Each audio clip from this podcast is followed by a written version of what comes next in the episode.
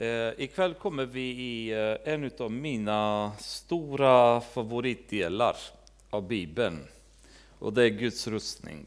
Eh, ni kommer se när vi går igenom att det här är ju en riktigt, riktigt mäktig del. Eh, och man kan förenkla det så tydligt för att få en, en klar förståelse av vad det betyder. Att om vi iklär oss den här rustningen så kommer vi vara segrande.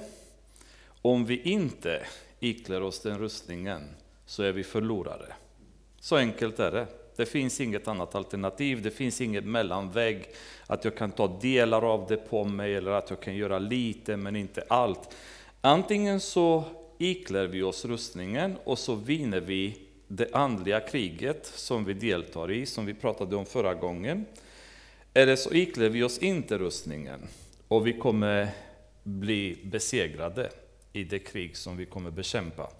Och då förstår vi hur viktigt det är att vi begriper först vad de här delarna betyder och hur vi ska använda dem. Vi kan börja läsa eh, sjätte kapitlet och så börjar vi läsa från vers 14. Eller egentligen kan vi kan läsa från vers 10 bara för att vi får med sammanhanget på nytt. Till sist bli starka i Herren och i hans väldiga kraft. Ta på er hela Guds vapenrustning, så inte delar av det, inte bara någon del, utan hela Guds vapenrustning, så att ni kan stå emot djävulens listiga angrepp. Det vi strider inte mot kött och blod, utan mot furstar och väldigheter och världshärskare här i mörkret, mot ondskans andemakter i himlarna. Ta därför på er hela Guds vapenrustning, så att ni kan stå emot den onda dagen och behålla fältet, sedan ni fullgjort allt. Stå alltså fasta, spänn på er sanningen som bälte kring era höfter och kläd er i rättfärdighetens pansar. Och sätt som skor på era fötter den beredskap som fridens evangelium ger. Ta dessutom trons sköld. Med den kan ni släcka den ondes alla brinnande pilar. Ta emot frälsningens hjälm och Andens svärd som är Guds ord.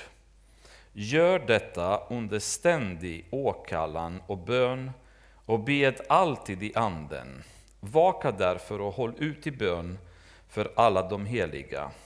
Bed också för mig att ordet ges åt mig när jag öppnar min mun så att jag frimodigt gör evangeliets hemlighet känd. För dess skull är jag det sändebud i bojor. Bed att jag predikar det så öppet och fritt som jag bör. Jag läste hela passagen bara så att vi får sammanhanget, men ikväll så kommer vi bara stanna vid eh, första delen av vers 14. Stå alltså fasta, spänn på er sanningen som bälte kring era höfter. Och det är den biten som jag tänkte bara ta tid för ikväll. En av de största lögnerna, tror jag, som vi kristna har matats med, eller på något sätt har fabricerat själva, jag vet inte riktigt var det kommer ifrån, det är att man, man kan vara kristen och göra ingenting. Vi behöver inte göra något. Vi har gett våra liv till Jesus, vi har blivit döpta och vi är kristna och nu kan vi slappna av. Vi behöver inte göra något. Vi behöver inte växa, vi behöver inte bli visare, vi behöver inte predika evangeliet till andra människor. Vi behöver inte fördjupa oss i Bibeln. Vi behöver egentligen inte göra något, utan nu är vi Guds barn och nu väntar vi ivrigt bara på att Jesus ska komma och ta oss hem. Dessutom ovanpå detta så betalar vi löner till en pastor vars uppgift är att arbeta åt oss. Vi betalar honom, han gör jobbet. Vi har ett gäng äldstebröder eh, vars eh, syfte också att vi ska nyttja dem till att arbeta åt oss. Ehm, det är därför de är äldstebröder, eller hur? De ska inte bara samlas och ha roligt, åka på, till Mullsjö och äta goda kakor och dricka kaffe, utan de ska slita på församlingen. Det är därför vi har valt dem.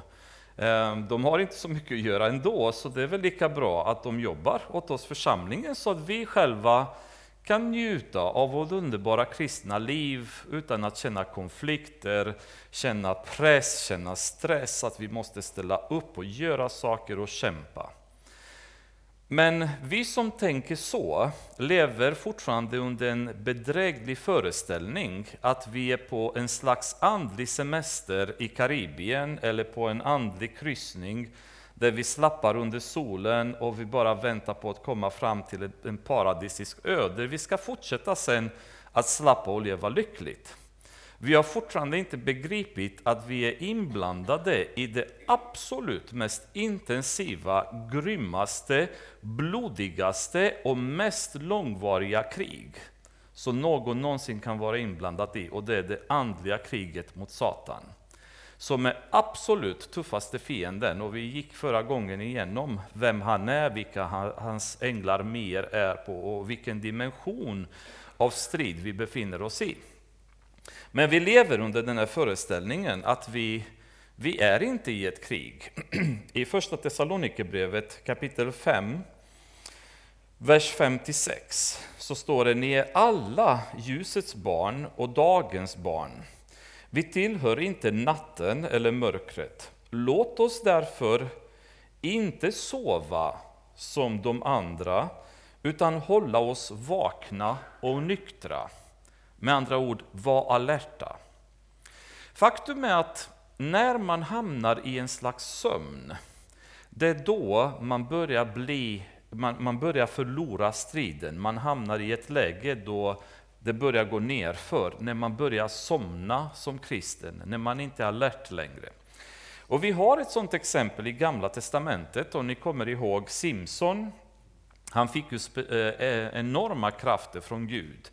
Och han lyckades besegra filisterna gång på gång på gång på gång. Då. Men vi kan vända i Domarboken eh, 16 kapitlet och se vad som händer när um, denna Simson, som var en sån, ett sånt hot för filisterna, han börjar eh, slappna av, eller han börjar leva livet och försöker att njuta av livets eh, fröjder, då, bland annat att, att dejta en filistinsk kvinna. Då. Och vi kan läsa från eh, kapitel 16, vers 19.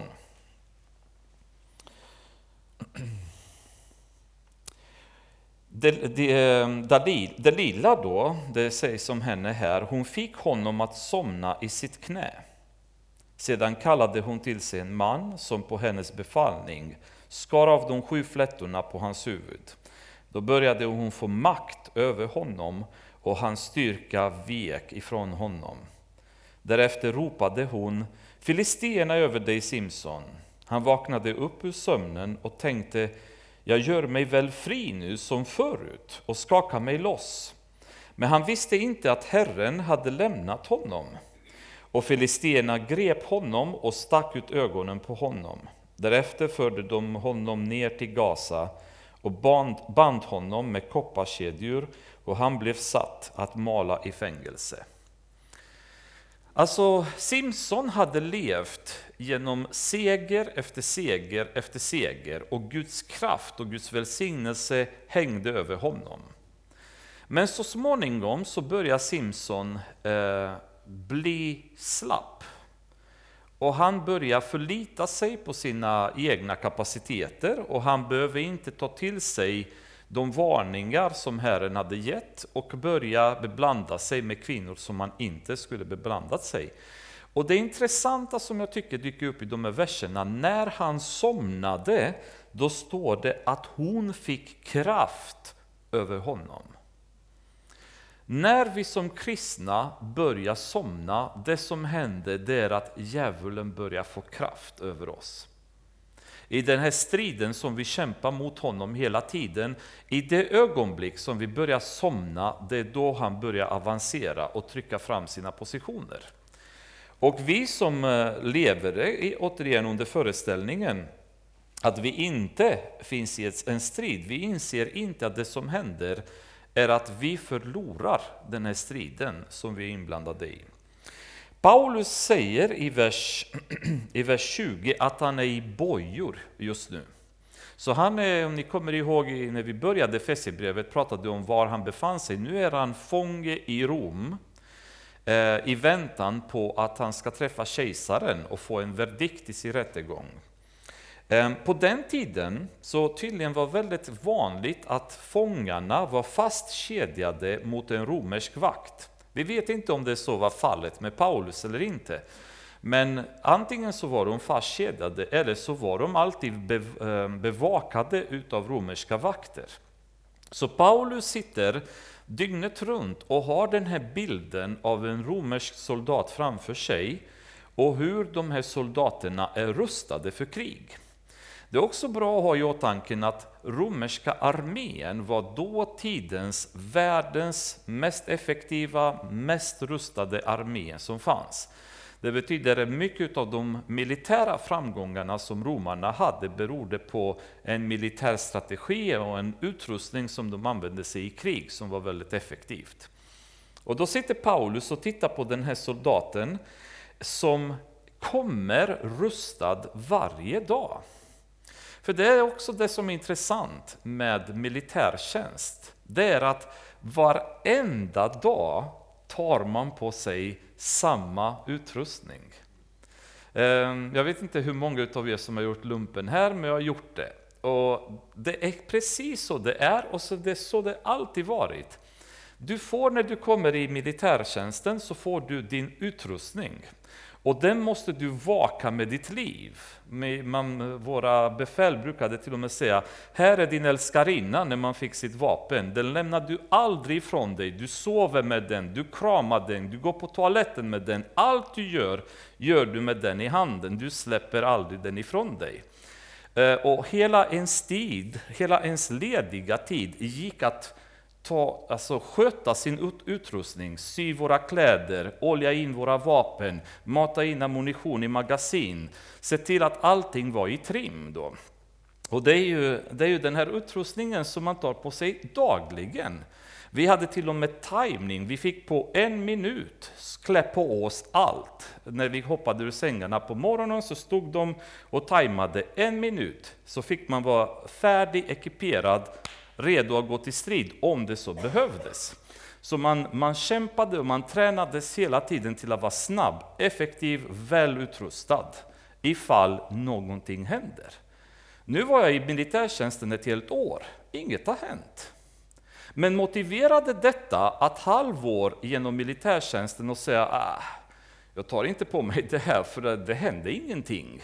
Vad är poängen med att jag var, varje dag ska ta på mig alla dessa kläder, ta med magasinet vid bältet, stoppa in bössan eh, på axeln, dra åt livremmen, ta på mig skorna, polera skorna, eh, försäkra mig att strumporna är vikta på rätt sätt, brallorna är, är strykta och så vidare. Vad är poängen? Det händer ingenting. Det är inget krig som pågår. Det spelar ingen roll. Så länge du är en soldat i en armé så gör du inget annat än att var, varje dag vaknar du, ta på dig den utrustningen så som du har ett krig att kämpa. Om det inte blir något krig, underbart. Men om det blir något, då är du förberedd. Det är hela poängen med utrustningen. Och Paulus sitter och ser på de romerska soldaterna och börjar utveckla, tycker jag, en otroligt häftig association till vårt kristna liv när det gäller den andliga utrustningen.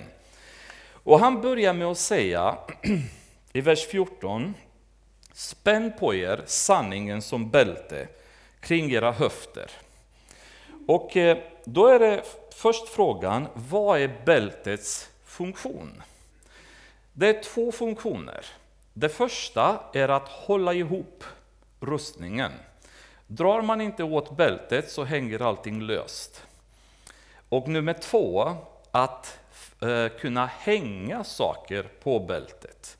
I romarna de hängde sin, sitt svärd på bälte. I modern tid brukar man ha magasin, kniv, yxa, allt möjligt brukar hänga runt bältet.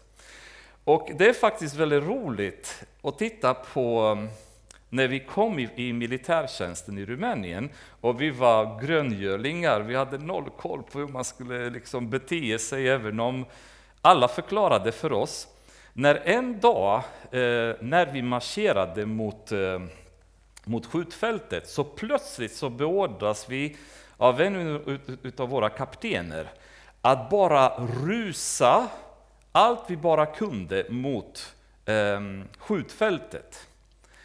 Och det började skrammel utan dess like. Vi var typ 30 soldater och det skramlade som bara den och vi släpade våra stövlar för vi hade för stora stövlar. En del hade inte knutit skorna ordentligt och det släppte i skosnörena.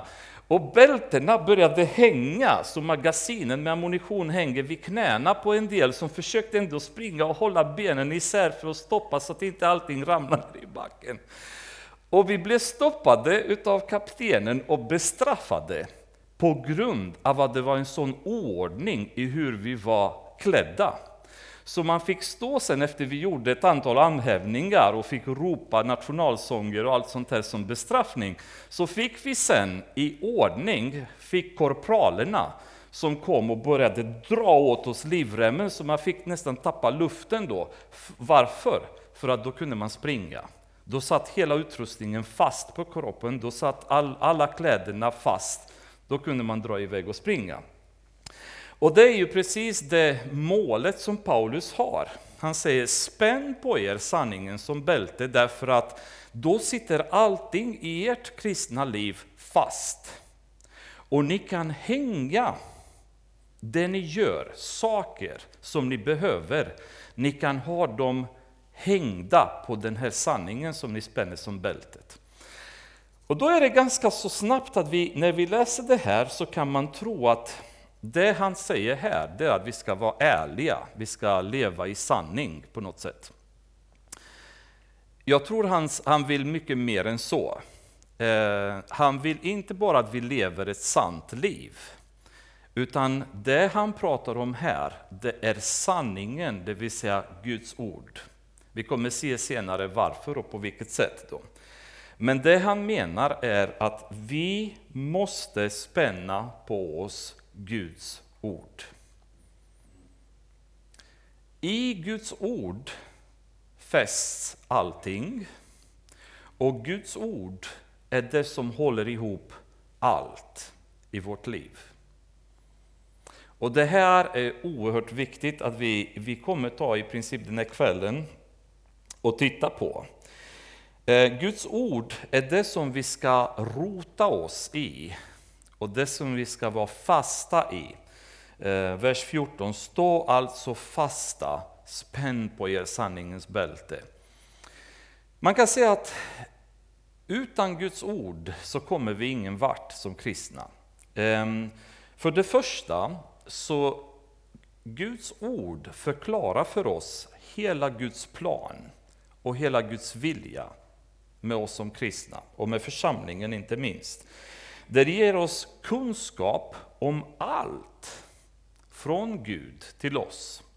Om vi vänder till psalm eh, 119, vers 105, så står det Ditt ord är mina fötters lykta och ett ljus på min stig. Alltså var jag än tar vägen i mitt kristna liv så har jag min lykta och min lykta är Guds ord. Allting vi gör som kristna, alla beslut vi tar, ehm, alla visioner vi följer, måste vi ha Guds ord som lyktan som visar oss vad och åt vilket håll vi ska gå. Och det är tyvärr så att Mm. eftersom genom åren Guds ord har börjat bli, bli eh, negligerad i församlingar och även i vårt liv som individer, så har vi sett en större och större förvirring i våra liv. Där vi vet inte åt vilket håll vi ska gå. Vi vet inte vad Guds vilja är för mig som person, för oss som församling. Vad vill Gud? Åt vilket håll ska vi gå och förresten på vilket sätt ska vi göra någonting när vi väl gör det? Um, och därför så märker vi att den här förvirringen är det som orsakar väldigt mycket problem i församlingar. Eftersom eh, kristna har försummat Guds ord väldigt mycket, många utav oss, under en lång period, vad gör vi istället? Vi söker svar på det sättet som världen söker svar. För det är så här att vi har en tendens som kristna att så fort vi avlägsnar oss ifrån vår relation med Gud så närmar vi oss världen. Det är inte så att vi lever någon slags neutralt liv och opåverkade av synd och djävulen, utan vi dras automatiskt till världen när vi drar oss ifrån Gud. Och vi märker att även i kristnas liv och i församlingarnas liv så har, har världens system och världens regler blivit styrande, eller eh, det styr våra beslut i alla fall. Till exempel när eh, kristna får ett problem i ett äktenskap och så vidare så kan de gå till psykologer och diskutera, diskutera sina problem. Varför? Förmodligen för att de har ingen aning vad Bibeln säger. För vore det mycket enklare att gå till Bibeln och säga vad säger Guds ord om hur vi ska bete oss gentemot varandra? Vad är det jag ska göra gentemot dig och vad ska du göra gentemot mig? Ni kommer ihåg bara verserna innan som vi har läst i Efesierbrevet. Hur ska en kvinna bete sig gentemot sin man? Hur ska en man bete sig gentemot en kvinna? Ja, men när vi går igenom de passagen och fördjupar oss i dem, vad är det en psykolog kan lära mig mer än vad han som har skapat relationen mellan man och kvinna och definierat det kan egentligen tala om för mig. Och när vi får barn så sitter kristna familjer också och plöjer sig genom böcker om hur man ska uppfostra sina barn efter världens koncept. Istället för att gå till Bibeln och säger, vad säger Bibeln till oss föräldrar? Hur ska vi bete oss gentemot våra barn? Vad är det som är rätt barnuppfostran och barndisciplin? Och Bibeln är full med sånt. Från första Moseböckerna in till resten av Gamla Testamentet, in på Nya Testamentet, det, det kryllar av verser om hur man ska uppfostra sina barn. Så varför skulle någon behöva sätta på kanal 7 och titta på Dr. Phil till exempel, eller läsa en eh, psykologbok om barnuppfostran, när hela Bibeln, Bibeln är packad med information som är given utav Gud till oss föräldrar att uppfostra våra barn. Ehm, likaså när det gäller församlingen. Har ni tänkt att på senare år så har vi bland annat fått sådana ord i församlingen som är fullständigt obibliska. Församlingsstyrelse. Var kommer den ens ifrån? För jag hittar inte den i Bibeln. Men däremot det jag hittar i Bibeln det är församlingsäldste. Det finns i Bibeln. Men var har vi fått församlingsstyrelse ifrån? Jag ska tala om för er varifrån, från världen, från företagsvärlden, därför att de har en styrelse och då har vi också en styrelse i församlingen så att vi kan vara som dem, eller hur? Vi har inte äldste, vi har inte de här människorna som Paulus pratar om och kategoriserar vilka egenskaper de måste ha som Guds män och representanter i församlingen, utan vi väljer en styrelse som ska matcha världens koncept om hur man styr ett företag. Och väldigt mycket mer utav världens sätt, till exempel demokratiska system. Om vi ska gå vidare. Har ni någonstans i, i Bibeln läst om att det finns demokrati i församlingen? Det har inte jag läst. Utan det jag ser det är en teokrati, där Gud nämner en pastor eller en herde. Herden leder församlingen. Ja, vi säger, men det där kan skapa diktatur. Och det där kan skapa avarter, absolut.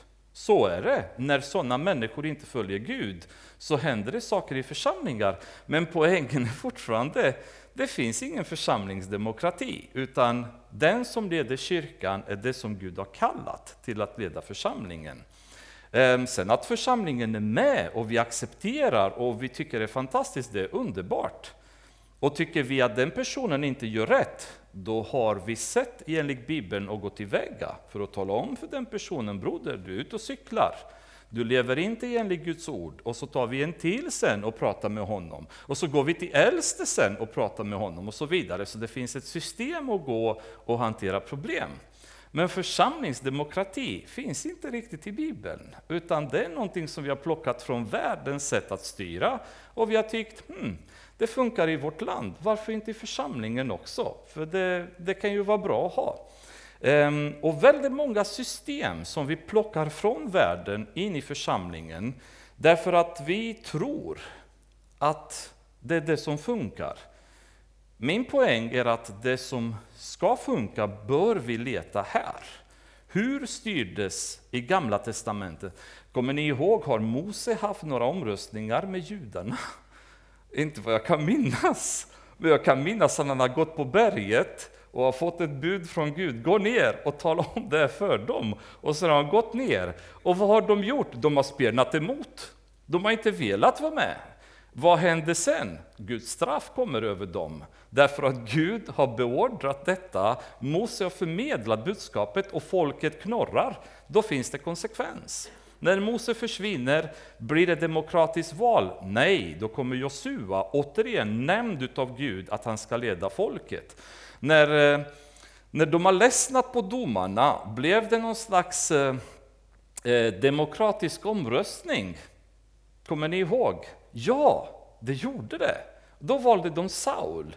På vilka premisser? Jo, därför att han var lite, lite längre än de andra, lite ståtligare. Vad innebar det? Vad ledde det till? Katastrof. Vad hände sen? Gud säger ingen demokrati, gå till Samuel och säg du ska gå och välja den som jag har valt. Och vem var det? Det var David. Inte vald av folket, utan vald av Gud, som ska leda folket sen. Så om man följer det konceptet så ser man hur har Gud styrt genom åren? Och det var genom teokrati. Vi har gått ifrån detta lite grann på grund av katolska kyrkans övergrepp under medeltiden och många andra församlingar som har missbrukat den makt eller den auktoritet som de skulle ha fått. Men frågan är, har de fått ut av Gud överhuvudtaget? Har, eller har de tagit det på sig själva? Det är en fråga att besvara. Men i alla fall så tror jag vi måste vara väldigt, väldigt försiktiga med att ta in världens koncept och världens begrepp i församlingen. För så är inte alltid Gud fungerar. Det kan ju vara så att det, det fungerar både och, eller att världen råkar ha samma koncept som vi. Men då är världen som ska ta det från oss, inte vi från dem. Då. Det är ungefär den rätta vägen. Sen kommer man på de problem vi har idag, kan man säga, diskussioner i församlingar nu, bland annat med relationer.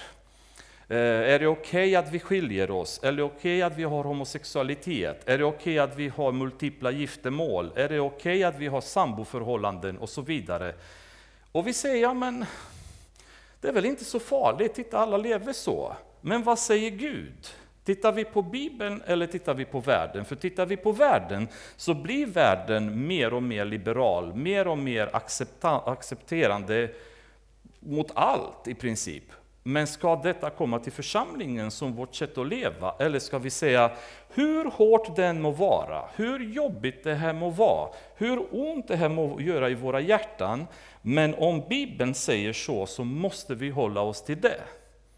Om jag lever i synd i församlingen och en broder kommer till mig och säger att du håller på och, och lever i synd, jag kan inte säga, amen, Kolla här, att de flesta gör så, det är jättevanligt idag. Det är inga konstigheter, det händer inget. Det är en lögn, det händer väldigt mycket. Och då är det väldigt viktigt att vi har Bibeln som rättesnören. Så Bibeln är det som ger oss svar, den förklarar Guds plan. Vad vi än har för problem, om det är relationer, om det är barn, om det är jobb, om det är ekonomi till exempel, hur vi ska hantera vår ekonomi. Vi går inte till banken och diskuterar och säger, ja, banken säger, ja men ta lån, du får låna det, du får låna det, du får köpa det, gör som du vill. Vi går till Bibeln och säger, vad säger Bibeln? Vi ska gå till Gud, vi ska be honom om ledning. Vi ska be honom om välsignelser om jag behöver välsignelser och så vidare. Så det är ju Bibelns viktiga uppgift bland annat är att förklara Guds plan för oss som individer, som församling och för hela världen. Alla inkluderas i Guds plan. För vem som helst är Bibeln öppen att börja läsa och då får man direkt kunskap om hur ska jag leva mitt liv. Det är ganska enkelt. Det är också så att Bibeln är största kanalen genom vilken Gud, Gud pratar med oss. Så om jag ignorerar den här kanalen, hur kommer Gud prata med mig? Alltså Gud har lagt hela hans kunskap, eh, kunskap om hans väsen, kunskap om hans plan, kunskap om framtiden. Allting har han matat in här så att jag kan ju förstå det. Men jag säger, jag är inte intresserad. Jag vill ha något annat. Jag vill ha profeter. Visst är det mycket mer spännande? Jag vill att en profet ska dundra in i församlingen och bara ropa så säger Herren och ska ha spännande profetier. Då, då fattar jag vad Gud vill. Det är det jag vill ha. Jag vill ha drömmar. Jag vill drömma på natten vad Guds vilja är. Jag vill ha visioner. Jag vill, jag vill se saker för att förstå Guds vilja. Och jag varken hör någon profetia, varken har någon vision eller någon dröm. Därför att Gud säger, jag har redan pratat med dig, men du vill inte lyssna. Du vill inte läsa ett ord utav det jag säger. Men sen kommer du till mig och säger, Gud tala till mig. Men där har jag talat. Varför läser inte du vad jag sagt? Varför ignorerar vi konstant den här boken? Men samma personer som konsekvent struntar i att läsa det, går till kyrkan och säger Gud, Herre, tala till oss, skicka en profet, skicka mig någonting. Varför? Vad sa Gud till den där mannen när han hamnade i helvetet och ropade? För, kan inte du skicka någon och tala om för de andra hur de har Mose och profeterna? Jag behöver inte skicka mirakel, jag behöver inte göra under. Kolla läs Bibeln. Allting finns där. Varför ska jag hålla på och göra massa grejer för dig för att du är lat, ointresserad och arrogant i din inställning och sen vill att jag ska göra mirakel? Det blir inget med det. Det blir inga mirakel, inga visioner, inga drömmar, inga profetier, inga kunskapens ord. Därför att Bibeln finns här och du konsekvent struntar i den största kanalen som Gud talar till mänskligheten igenom. Som, som betyder så mycket för oss. Eh, Bibeln, nummer två, så först förklarade Guds plan för oss. Nummer två, så leder det till framgång, Guds ord. Det leder till framgång. Eh, om vi vänder till Josua, första kapitlet, vers 8. Josua, han har hängt med Mose sedan han var ung. Ehm, och Mose dör och nu är det dags för, för, för Josua att, kan man säga, eh, symboliskt plocka Moses mantel och börja eh, så att säga, leda folket. Och att ta manteln efter Mose kan inte varit en lätt sak att göra. Eh, definitivt inte. Så jag kan tänka mig att i Josuas liv var en hel del oro och kanske funderingar kring huruvida han kommer klara det här. Men då börjar Gud tala till honom och i vers 8 så säger han så här. Låt inte denna lagbok vara skyld från din mun. Tänk på den både dag och natt så att du håller fast vid och följer allt som är skrivet i den. Då ska du lyckas i det du företar dig och då ska du ha framgång. Med andra ord, om du vill ha framgång i ditt kristna liv, låt inte den här boken försvinna. Låt inte den glida ifrån dig. Låt den vara nära dig hela tiden. Ta tid med den här boken, för då kommer du ha framgång. Då kommer du lyckas i ditt liv. Då.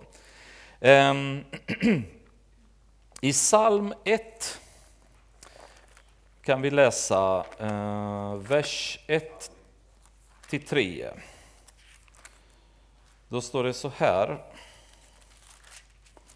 Salig är den som inte följer de ogudaktigas råd och inte går på syndares väg eller sitter bland bespottare, utan har sin glädje i Herrens undervisning och begrundar hans ord dag och natt. Han är som ett träd planterad vid vattenbäckar vilket bär sin frukt i rätt tid och vars blad inte vissnar. Allt vad han gör lyckas väl. Känner ni igen er i den här versen? Känner, känner ni att ni är ett träd, ni, ert liv är som ett träd som bara bär frukt och som bara lyckas och har framgång i allt? För det gör inte jag.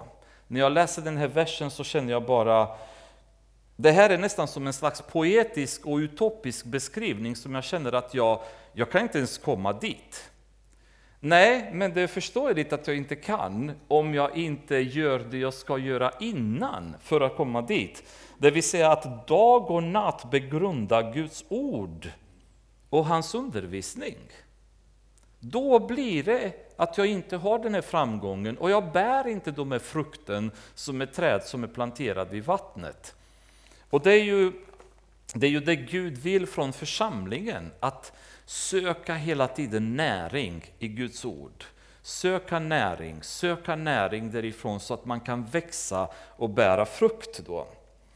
Ehm, I första kungaboken så eh, rådde David Salomon, Salomon Eh, innan han skulle ta makten, så är det en ganska så härligt råd som han ger i andra kapitlet. Vers 3 säger David till Salomo så här. Håll fast vid vad Herren din Gud befallt dig, så du vandrar på hans vägar och håller hans stadgar, hans bud och föreskrifter och vittnesbörd, så som det är skrivet i Mose lag. Då får du framgång i allt vad du gör och överallt dit du vänder dig.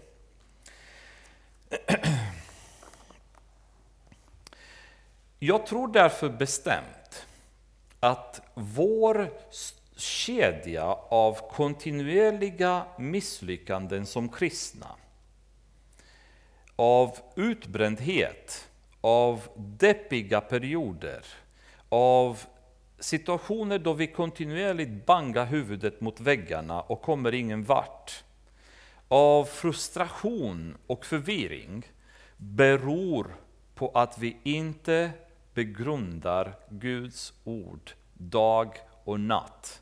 Vi begrundar inte det Mose har skrivit i sin lag och försöker att leva efter det. Vi begrundar inte vad Jesus har skrivit i evangelierna och försöker att leva efter det. Vi har faktiskt ingen aning vad det står i Guds ord. Och vi försöker att gissa oss utifrån vad vi hör predikningar i kyrkan, kanske bibelstudier eller vad som helst, kanal 10, läser någon liten bok ibland. Och utifrån det så får vi en liten glimt av ungefär hur vi ska leva som kristna, men vi känner inte Gud. Och därför så lever vi i en kontinu ett kontinuerligt misslyckande och undrar varför vi inte kommer därifrån. Varför vi som församling inte ser en väckelse. Hur ska en väckelse komma när vi inte ens vet vad Guds ord handlar om? När vi ignorerar det? När vi inte ens är intresserade av vad som står där? Hur kan en väckelse komma i det fallet? Hur kan våra liv kännas att de är, de är i en väckelse? Och Paulus säger att ni får stå fasta, alltså ni är krigare. Ni ska vara råa krigare mot Satan, men istället så har vi förvandlats till ett gäng eh, gråtande, ledsna bebisar som retirerar. Bara Satan börjar skramla med sina vapen så flyr vi fältet direkt. Inte en chans att vi kan göra som Jakob säger, att stå så emot djävulen, han kommer fly från er. Utan djävulen bara säger puff, och så flyr vi allt vi bara kan. För att vi har ingen aning ens vad vi ska göra. Vi vet inte hur vi ska bekämpa en strid med djävulen. Vi kan ingenting om Guds ord. Vi har inga rötter att dra näringen ifrån, utan vi blir bara bortblåsta utav varenda vind av doktrin, då, som det också står i Bibeln. Och Det är så viktigt känner jag att vi fördjupar oss i Guds ord. Och det betyder inte nödvändigtvis att ni ska komma på bibelstudier på en söndagkväll. Det är jättetrevligt att ni är här, men jag tror att det är verk som vi gör hemma själva, det är där arbetet görs, som i bön. Det är, det är jätteskönt att vi kommer på tisdagar och Eh, på söndagar och på lördagar och så vidare, men det stora sker i vårt bönerum hemma. Så det arbete som vi gör hemma det dagliga arbetet av att ta på oss den här rustningen, dra åt sanningens bälte, det är det som kommer ge resultat i det långa loppet. För det tredje så avslöjar Guds ord det som är fel utav det som är rätt. Alltså bland det som är rätt, det som är fel. Eh, med andra ord avslöjar lögn från sanning. Och här är den stora orsaken av, um, om vi bara pratar dag, uh, idag kan man säga, av den stora förvirring som rådde i den kristna världen. Där viloläror sprids hela tiden, från månad till månad, från år till år, så det är nya läror, nya spännande händelser som har kommit, så man, man blir bara mer och mer fundersam på vad är detta? Det här verkar inte stämma. Var kommer det ifrån? Och så vidare. Det händer, djävulen anfaller församlingen hela tiden med att, med att slänga ut sanningar som han väver in i lögner, eller tvärtom, lögner som han väver in i sanningar. Han är en bättre teolog än vi är själva. Han känner till Guds ord bättre än vi, känner, än vi själva känner det och är mästare på att manipulera församlingarna och få viloläror att sprida sig. Och här skulle jag vilja lägga en stor varning för vår församling. Vi vill komma till en väckelse i vår församling och i stöpen. Och eh, många i församlingen känner att det känns som att det är något på gång. Eh, att vi, vi, vi börjar röra på oss och det är fantastiskt om vi gör. Men var medvetna om att det som kommer att komma som ett brev på posten när det börjar hända saker i församlingen, det är viloläror. Garanterat så kommer personer i församlingen börja spåra ur på olika sätt. Det kommer hända, jag är ingen profet i detta, utan nu pratar jag bara erfarenhet ur kyrkohistoria. Det kommer att bli exakt så, att vissa i församlingen kommer att spåra ur.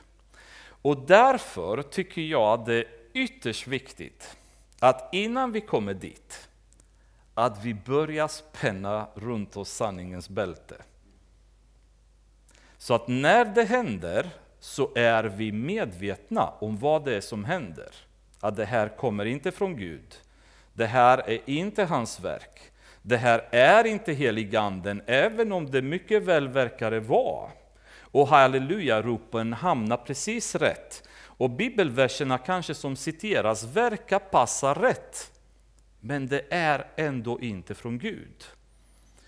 Och är vi väl grundade i ordet, då kan vi identifiera det som är fejk. Är vi inte det, då blir vi tveksamma. Då låter vi känslorna kanske ta över. Då tycker vi att nej, men jag grät på det där mötet, så det måste vara bra. Det måste ha varit Gud.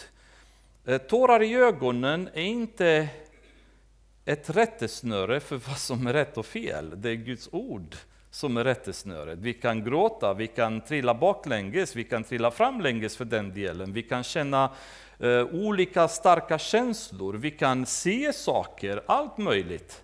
Men allting måste sen filtreras genom den här boken. För det är den enda sanningen vi känner till. Ingenting annat. Det enda rättesnöret vi har att bedöma vad som är sant, vad som är falskt. Jag kanske nämnde det en gång i tiden att i USA när de jobbade på banker så tränade de genom att eh, få bara sitta i veckor och känna på dollarsedlar. Eh, äkta dollarsedlar. Så de bara fick sitta och känna, känna olika, vissa nyare, vissa äldre och så vidare. Och efter ett, en viss tid så plötsligt så började de smyga igenom falska sedlar. Och så fort de falska sedlarna kom in så kände de dem direkt. Därför att de var så vana vid det som var äkta, så när det som var falskt kom in, pang, då kunde de identifiera det direkt. Det här är inte rätt, det här är falskt. Och det är precis det som vi ska göra med sanningens bälte, med Guds ord. Vi ska spendera så mycket tid med det, så så fort en villolära är på väg att komma in, pang, det har vi identifierat omgående och isolerat. Då kan vi konfrontera de personerna, och om de inte vill bli konfronterade, då kan vi i alla fall eh, så att säga, isolera dem så att de inte kan förstöra resten av församlingen. För det kommer att hända, det är ju garanterat. Det har alltid gjort och det kommer alltid göra, för det är en av djävulens, eh, ett av djävulens mest effektiva vapen, det är viloläror.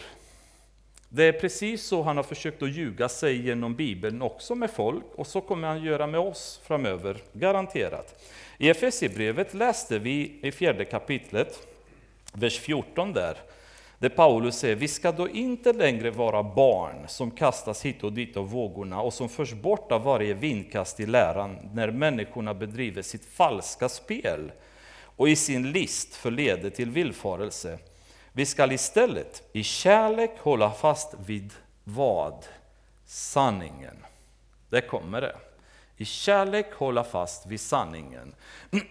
Vi ska inte eh, vara barn som kastas hit och dit av alla möjliga vågor. Då måste vi vara väl, välgrundade. Och detta, eh, för att inte tro att jag hittade på det jag, såg, det jag sa förut, därför att i Andra Timoteusbrevet, fjärde kapitlet, vers 3 och 4 säger han så här, ty det ska komma en tid då människor inte längre ska stå ut med den sunda läran, utan efter sina egna begär ska de samla åt sig mängder av lärare, allt eftersom det kliar dem i öronen.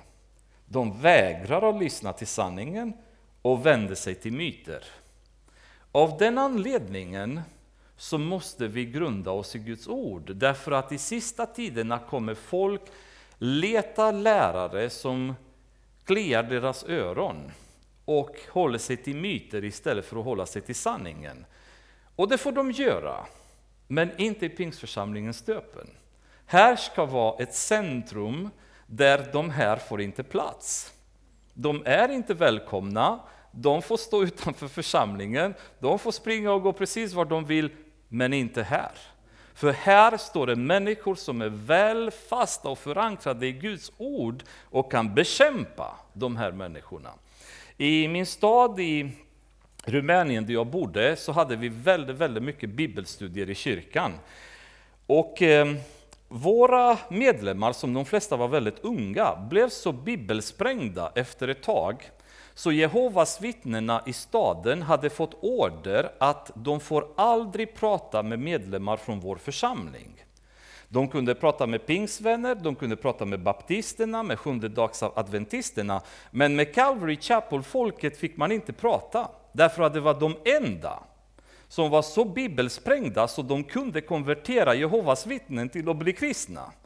Och därför fick de råd att de får ni inte prata med. Men de gick på alla andra, därför att de visste att de var inte förberedda. Men på våra kunde de inte gå. Vi till och med bjöd Jehovas vittnen hem till, till oss, och ni förstår hur de blir behandlade. Folk slänger igen dörren, spottar på dem, vad som helst.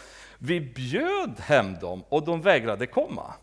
För de visste att kommer de till oss, då kommer de få det tufft. För att vårt folk, vår församling, de kunde Guds ord. Men de gick inte att leka. Med alla andra, det var fritt fram, det var värt att försöka, men inte med våra. Och det var väldigt roligt att, att veta detta och känna att yes, liksom, de är så duktiga, för det, Jehovas vittnen räds dem och de brukar vara väldigt eh, manipulerande på att trixa med verser. I Hebreerbrevet, ett annat av mina favoritord där, står det så här i fjärde kapitlet. Och det är vers, en vers som vi säkert har läst många gånger, men lyssna på vartenda ord här. Ty Guds ord är levande och verksamt. Det är skarpare än något tvegat svärd och tränger igenom så att det skiljer själ och ande, led och märg. Och här kommer det.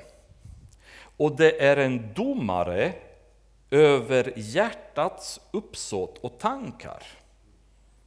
Inget skapat är dolt för honom, utan allt ligger naket och uppenbart för hans ögon, och inför honom måste vi stå till svars. För det första så går Guds ord så djupt så att det går in på hjärtats eh, uppsåt och tankar. Den börjar jobba redan på den nivån i våra liv. Och dessutom vers 13, plötsligt så pratas det om honom. Varför? Därför att Johannes 1.1 säger i begynnelse var ordet, och ordet var hos Gud och ordet var Gud. Därför att Guds ord är samma som Jesus. Och Jesus har dessutom sagt, jag är vägen, sanningen och livet. Så sanningen och Guds ord är en och samma sak.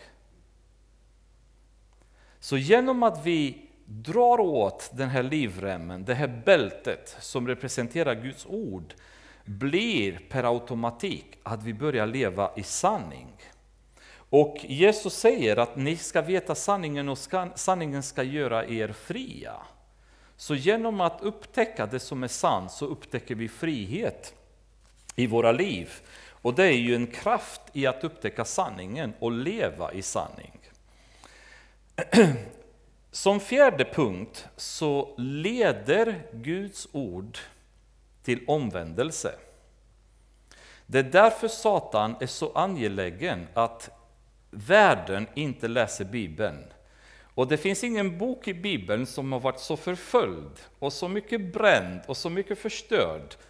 Så många människor som har hamnat i fängelse för att de har ens innehaft en sån bok som Bibeln. Den mest hatade boken i hela världen.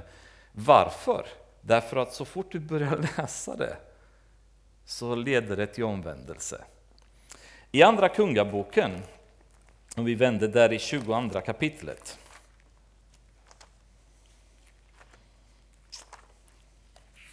Så har vi en fantastisk, um, fantastisk bit där. Nu var Israel levde vid det här laget i djup synd.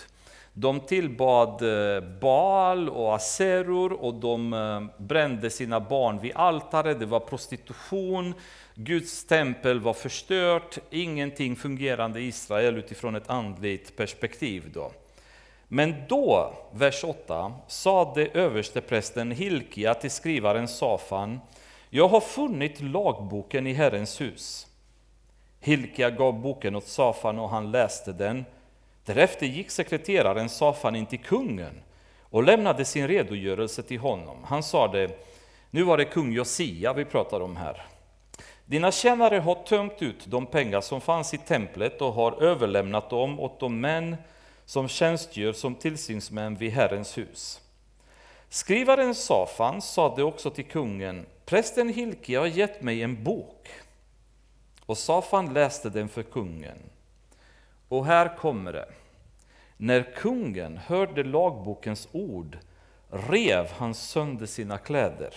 Och kungen befallde prästen Hilkia och Ahikam Safans son och Akbor Mikajas son och skrivaren Safan och Asaja, kungens tjänare, och sade Gå och fråga Herren för mig och för folket, ja, för hela Juda, om det står i denna bok som man nu har funnit. Det Herrens vrede är stor, och den är upptänd mot oss därför att våra fäder inte har lyssnat till vad som står i denna bok och inte har gjort allt som är föreskrivet oss. Efter åratal av att leva i synd, tiotals, kanske hundratals år nästan, så hittar de boken, Guds ord. Och så fort de börjar läsa det, vad leder det till? Omvändelse. Och det är ju vändpunkten nu för Josia när han börjar riva ner alla falska altare i Israel, får bort allting och återinstaurerar den rätta tron och Guds tro i Israel. Men det börjar med att de hittade boken. Guds ord som är, vad säger Hebreerbrevet, levande och verksamt. Det är därför. Det här är inte en bok med bara intressanta kunskaper och fina ord och allt sånt där, utan så fort vi läser det så börjar det verka. Så att den avslöjar våra hjärtans uppsåt och våra tankar. Det blir en uppenbarelse för oss själva att vad gör vi? För, vad håller vi på med när vi, när vi läser den här boken? Och den driver oss till förändring. Därför att det börjar skära i vårt liv. Och det leder automatiskt till omvändelse. när man studerar väckelsetider historiskt så märker man bland annat en gemensam faktor som dyker upp under de här väckelsetiderna och nämligen att folk återgår till Bibeln. Folk återgår till Bibeln. Predikanterna börjar ta Bibeln på allvar och predika den som, som det är. Inte så som de själva vill att det ska vara, eller som de själva har hört någon annan predika, utan de predikade så som Gud driver dem att predika det till folket och folk börjar läsa Bibeln och det leder till väckelse. Så utan Bibeln kan vi inte komma dit. Det, det omvändelse kräver att vi tar Guds ord på allvar. Och sist, Eh, som femte, så ger Bibeln oss hopp. I ehm, psalm 119, om vi vänder igen där, vers 114, står det så här. Du är mitt beskydd och min sköld. Jag hoppas på ditt ord. Bara ett, ett, en kort vers. Men den här versen sammanfattar så mycket av det Guds ord handlar om. Massvis med verser där Gud försöker att ständigt ge oss hopp. Om jag är nedslagen, om jag vandrar genom dödsskuggans dal, då vet jag att Gud är med mig. Det finns hopp. När jag är förföljd, när, säger Petrus, när ni är förföljda, då vet ni att alla andra är förföljda. Och att man ska ta detta som en ära, därför att man känner Jesus. Det är ett hopp. Paulus säger, vi springer ett lopp. Och loppet slutar där uppe och där kommer vi få en krona. Det är ett hopp. Och det ger oss möjlighet att leva vårt kristna liv i den framgången som Josua hade lovats. Vi kanske inte har massa saker, vi kanske inte får alla böner besvarade, men vi lever framgångsrikt. Vi är glada, vi är harmoniska, vi är stabila, vi vandrar på rätt väg. Vår lykta lyser hela tiden. Det finns inget mörker i våra liv, varken på vår väg eller i det sätt som vi lever, utan vi lever alltid rätt. Ehm, en välsignelse också av att läsa Bibeln finns. Eh, uppenbarelseboken säger det väldigt fint. Det är därför jag tycker att någon gång framöver borde vi komma in i den här boken. Men det står så här i vers 3. Salig är den som läser upp och saliga är de som lyssnar till profetians ord och tar vara på det som är skrivet i den, till tiden är nära. Salig är den som ägnar sig åt den här boken. Den blir välsignad. Man kan inte ta tid för Guds ord och gå därifrån utan att vara välsignad, utan att ha fått ett råd, utan att man fått en, eh, ett peppande ord, eller att man har fått en, eh, ett svar på en svår fråga, eller en uppmuntran när man var ledsen, eller vad som helst. Du kan inte gå från Guds ord oberörd, utan så fort vi tar tid för det så blir vi berörda, då, då gör det något för oss. I och med detta och alla dess effekter av Guds ord så vore vi naiva att tro att djävulen inte gör sitt allra yttersta att avleda oss ifrån Guds ord så mycket som det bara går. Därför att ni förstår, det här, är, det här är bara första delen av Guds rustning. Och vi tror att vi redan har vunnit kriget, eller hur, när vi läser det. Och det är bara första delen. Så han vet att när vi börjar leva så här är hans chanser eh, lika med noll. Att han kan överhuvudtaget avancera med sitt krig. När människorna börjar spänna sanningens bälte runt omkring sina höfter och börjar bli fasta, börjar stå fasta i den här striden. Eh, och därför tror jag att vi ska vara medvetna om att när vi känner att vi inte ska läsa Bibeln. Ehm, jag kände bara idag, när jag satt fortfarande och förberedde och slipade lite av det hela. Eh, jag tror jag satt i en halvtimme, så kände jag redan att mm, jag är lite kaffesugen. Jag kanske ska gå och sätta på lite kaffe nu. Och, och då blir man avbruten i tankarna och så. Så till slut så känner jag, nej jag ska inte jag ska inte gå och sätta på kaffe innan jag känner att jag är klar. Men jag hoppades lite grann att Carolina skulle sätta på kaffet under tiden, men hon gjorde inte det heller. Så det var, det var en prövning där jag kände att nej, jag ska inte gå härifrån och sätta på kaffet, utan nu är det det här som gäller. Ehm, sen smakade kaffet ändå gott därefter då, men, men det är alltid så, när vi börjar ta tid för Gud så är det andra saker som börjar bli viktiga vi blir trötta. Jag somnar väldigt många på kvällarna när man tar Bibeln och börjar läsa. Carolina till och med tagit kort på mig sittande i sängen med Bibeln i handen liksom, och med huvudet i bröstet att jag somnat.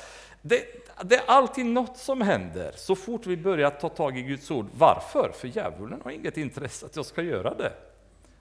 Titta på TVn, drick kaffe, sov, vad som helst. Men inte läsa Bibeln. Vad som helst, bara inte läsa Bibeln. Och det, då förstår vi varför. För när vi börjar göra det, då händer det saker i vårt liv. Ehm, um, R.A. Torrey i hans bok um, Why God Used D.L. Moody, Varför har Gud använt sig av D.L. Moody? skrev följande. Du kan prata om kraft, men om du negligerar den enda boken som Gud har gett dig, genom vilken han delar ut och utövar sin kraft, kommer du inte att få den. Du kan läsa en massa böcker och gå på mängder av möten. Och du kan delta i bönemöten hela natten, där du ber för den heliga Andens kraft. Men så länge du inte håller en nära kontakt med boken, Bibeln, kommer du inte att få någon kraft. Och även om du hade kraft, skulle du inte behålla den, utom, utom genom dagligt och intensivt studie av denna bok. 99 kristna utav 100 bara leker under bibelstudierna. Och därför är 99 kristna av 100 bara veklingar när de kunde ha varit giganter, både i deras kristna liv och i deras tjänst. Jag tyckte det var så bra sammanfattat. Vi leker med Guds ord och då är vi veklingar när vi kunde ha varit giganter. Må Gud hjälpa oss som församling, eh, som individer, och inte göra det, utan att börja ta Guds ord på allvar. Verkligen på allvar. För Guds ord har varit så missbrukat och så felanvänt genom åren så man skäms över kyrkans historia och det sätt som man har behandlat den här boken. Men om vi och jag känner, jag bryr mig inte riktigt vad man gör i Göteborg, i Stockholm, i Jönköping, i USA, var som helst. Men låt oss vi, i Pingsförsamlingen här i Stöpen, ta det här på allvar. Det, det är det som vi vet är hemligheten, det är nyckeln till framgång, det är att vi börjar få Guds ord på allvar och det kommer, det kommer att ge resultat. Det är ett löfte vi har från Gud. Det har funkat för andra i, Bibeln, det kommer att fungera för oss. Låt oss inte fokusera på vad andra gör, utan fokusera på vad Gud säger att vi ska göra. Och egentligen i Bibeln så finns det direkt ingenting skrivet om renoveringar, ljud och ljus, effekter i kyrkan, röksignaler under konserter. Inget sånt. Och jag säger inte att sånt här inte kan användas, det är viktigt. Men låt oss flytta prioriteringen till Guds rustning och börja med att spänna bältet. Liksom. Börja mata oss själva med Guds ord. Sen går vi till de nästa delarna framöver. Herre Jesus, jag vill bara tacka dig för hela din uppenbarelse i ditt ord. Jag vill tacka dig för att du har gett oss alla verktyg för att vi ska kunna bekämpa djävulen jag ber att du ska hjälpa oss som församling, Herre, att ödmjuka oss och söka dig, Herre, så att vi i allt får rätt ledning i ditt ord. Låt mig, Herre, att ta det på allvar, mycket mer allvarligt än jag gjort det så länge, Herre. Låt oss som församling ta det här mer på allvar. Så att många liv blir välsignade och förvandlade, Herre. Så att många som är svaga blir stärkta, så att många som är förvirrade får en klar vägledning. Många som inte hör din röst kan börja höra din röst, Jesus. Välsigna alla, Herre, som får dela ditt ord till församlingen med inspiration från din heliga Ande, så det blir rätt delat, så att alla som sitter och lyssnar, Herre, kan ta emot, kan förstå och kan leva utefter. Herre Jesus, jag ber för vår lilla församling som vanligt att du ska välsigna oss med din kraft. Den här kraften som kommer från ditt ord, Herre, som ska bara sprida sig i våra liv, så att vi kan bli starka, så att vi kan växa, så att vi kan avancera ditt rike, Herre, på alla möjliga sätt vi kan. Tack för alla som har kommit här ikväll, Herre. Jag ber att du ska välsigna dem, så att alla går hem och känner att det finns mat att tugga på. Och låt dem komma närmare dig, Herre, ett steg närmare. Amen.